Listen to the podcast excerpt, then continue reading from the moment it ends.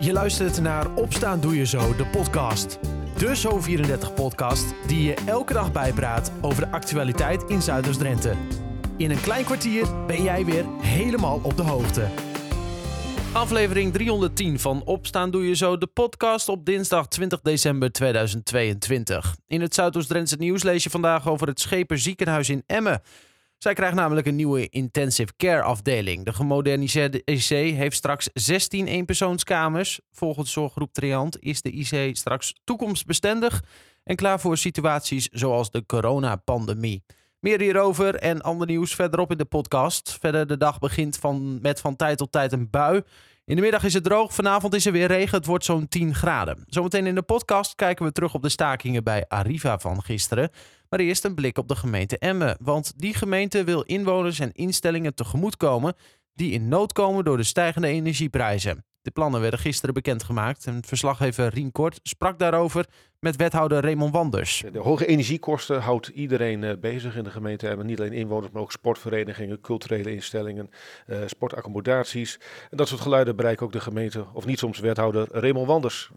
Ja, wij uh, horen die uh, verhalen ook natuurlijk. Uh, we, zien ook, we spreken met inwoners, we spreken met de verenigingen. Onze energiecoaches komen met mensen over de vloer. En we zien wel dat het steeds nijpender wordt. En, en daarmee hebben wij ook daar veel zorg over. Wat hoor je dan zo? Nou ja, over mensen die de kachel niet meer aanzetten.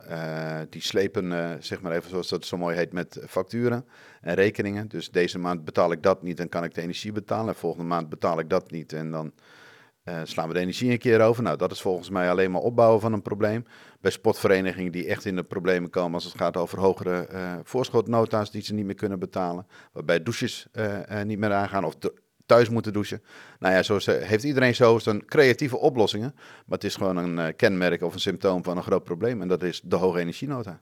Precies, ja. En de gemeente uh, wil daar zeg maar, inwoners en instellingen in steunen. En er is nu een potje beschikbaar gesteld voor 8, van 8 miljoen euro. Wat gaat er precies met dat potje gebeuren? Ja, ja de Raad heeft uh, bij de begrotingsvergadering ons een uh, calamiteitenfonds gegeven. Om daar inwoners acu in acute nood mee te gaan helpen. Nou ja, dan moet je met elkaar opstellen hoe is dan acute nood. daarvoor hebben we een aantal regels opgesteld. Die regeling gaat vanaf naar verwachting 15 januari open als de Raad instemt aanstaande donderdag. En wat wij gaan doen is dat we daar inwoners en, en sportvereniging proberen te helpen met een deel van de voorschotnota. En tegelijkertijd ook proberen te stimuleren om voor volgende winter uh, wat aan uh, energiebesparing uh, of, en verduurzaming te hebben gedaan. Precies, ja. Hoe, hoe werken die regelingen precies? Nou, als het gaat over inwoners, daarvan hebben we gezegd, er zijn twee categorieën. Tot 100, 120% wettelijk sociaal minimum. En de categorie 120, 150% of wettelijk sociaal minimum. daarvan hebben we gezegd, de eerste categorie verwachten we dat je in ieder geval 15% van je netto uh, inkomen aan energie kunt betalen. Voor de tweede categorie hebben we dat op 20% gesteld. En dan kijken we naar het gemiddeld verbruik in Nederland, want het prijsplafond is ook maar even de verwachting of dat iedereen gaat helpen. En, uh, en, wij, uh, en we verwachten ook dat je gebruik maakt van alle andere voorzieningen die er al zijn. Hè, tot 120% de 1300 euro energietoeslag die we kennen. En op die manier proberen we je in ieder geval financieel te ondersteunen als het gaat om, om het af te toppen op 15% of 20% aan inkomen. Ja, precies. En uiteindelijk is het natuurlijk gewoon wachten op een uh, permanente oplossing, want die kan niet van de gemeente komen. Nee, de eindoplossing zal uh, niet hier vandaan komen. Wij gaan niet over de gasprijs, we gaan niet over de inkoop, we gaan niet over de regels en de belasting. Uh, en tegelijkertijd zien wij onze inwoners in nood. En, en sportverenigingen en andere organisaties, dorpshuizen. En wij willen op die manier, op deze manier in ieder geval overwinteren met elkaar. En dan kijken uh, uh, wat we voor volgende winter, uh, zal er toch echt een andere oplossing moeten komen, want dan hebben we dit potje niet meer beschikbaar. En tenzij de raad anders beslist. maar onze inwoner en onze verenigingen hebben nu een probleem. Nou, aldus wethouder Raymond Wanders van de gemeente Emmen in gesprek met Rinkort over een noodfonds vanwege de stijgende energieprijzen. Meer over dit fonds en de werking daarvan lees je op zo34.nl en in onze app. Na het nieuws hoor je over de stakingen bij Arriva van gisteren. Het Schepenziekenhuis in Emmen krijgt een nieuwe intensive care afdeling. De gemoderniseerde IC heeft straks 16 eenpersoonskamers. Volgens zorggroep Treant is de IC straks toekomstbestendig en klaar voor situaties zoals een coronapandemie. De nieuwe IC komt op dezelfde plek in het ziekenhuis als de huidige. Tijdens de verbouwing verhuist de bestaande IC dan ook tijdelijk naar een ander deel van het ziekenhuis. Het project gaat in totaal zo'n 9 maanden duren. De muur van Emmen wordt het decor van een hardloopevenement. Het evenement is vernoemd naar de voormalige vuilstort aan de Schanstraat in Emmen. Deelnemers kunnen zich op 14 mei volgend jaar melden bij de muur van Emmen om te gaan hardlopen. De afstanden die op het programma staan zijn de 2,5 en de 10 kilometer. En tot slot, iets minder dan 1 op de 3 Drenten is tevreden over de zichtbaarheid van de politie op straat. Dat blijkt uit cijfers van het Centraal Bureau voor de Statistiek en de Veiligheidsmonitor. In Drenthe gaat het om 31,7 procent. Landelijk is 1 op de 3 Nederlanders tevreden over de zichtbaarheid van agenten.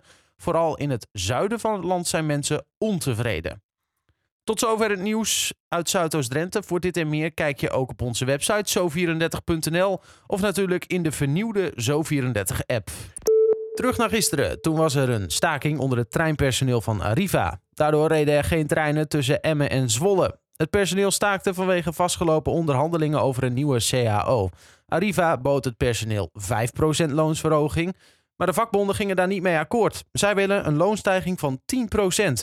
En ook willen de bonden dat er wat gedaan wordt aan de hoge werkdruk. Janine Oostra werkt als steward en zij legt uit waarom ze meedeed aan de staking. We zijn onder andere aan het staken om betere arbeidsvoorwaarden te krijgen, minder werkdruk en een beter salaris. Ja.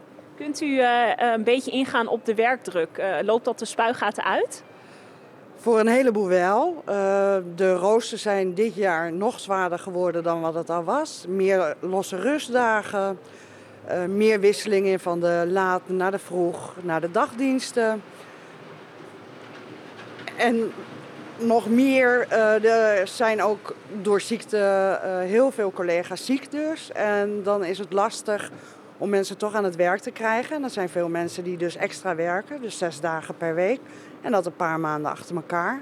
Ja, dat maakt het wel zwaar. dat lijkt me wel, ja. ja. Denkt u dat de actie van vandaag, uh, de stakingen, dat dat zin heeft? Dat Arriva daarnaar luistert? Ik hoop het. Ik hoop dat ze ook gaan bedenken dat het wat anders is als je van 9 tot 4 werkt, vijf dagen achter elkaar.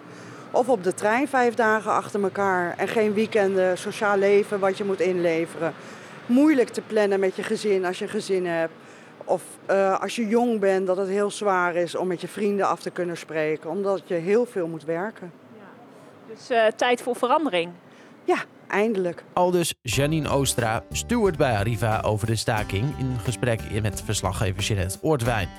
Vandaag rijden de treinen weer volgens de dienstregeling. Mocht er een update zijn over de onderhandelingen, dan hoor je dat natuurlijk weer op Zo34. Tot zover de podcast van dinsdag 20 december. Morgen weer een nieuwe aflevering. En voor nu wens ik je een mooie dag.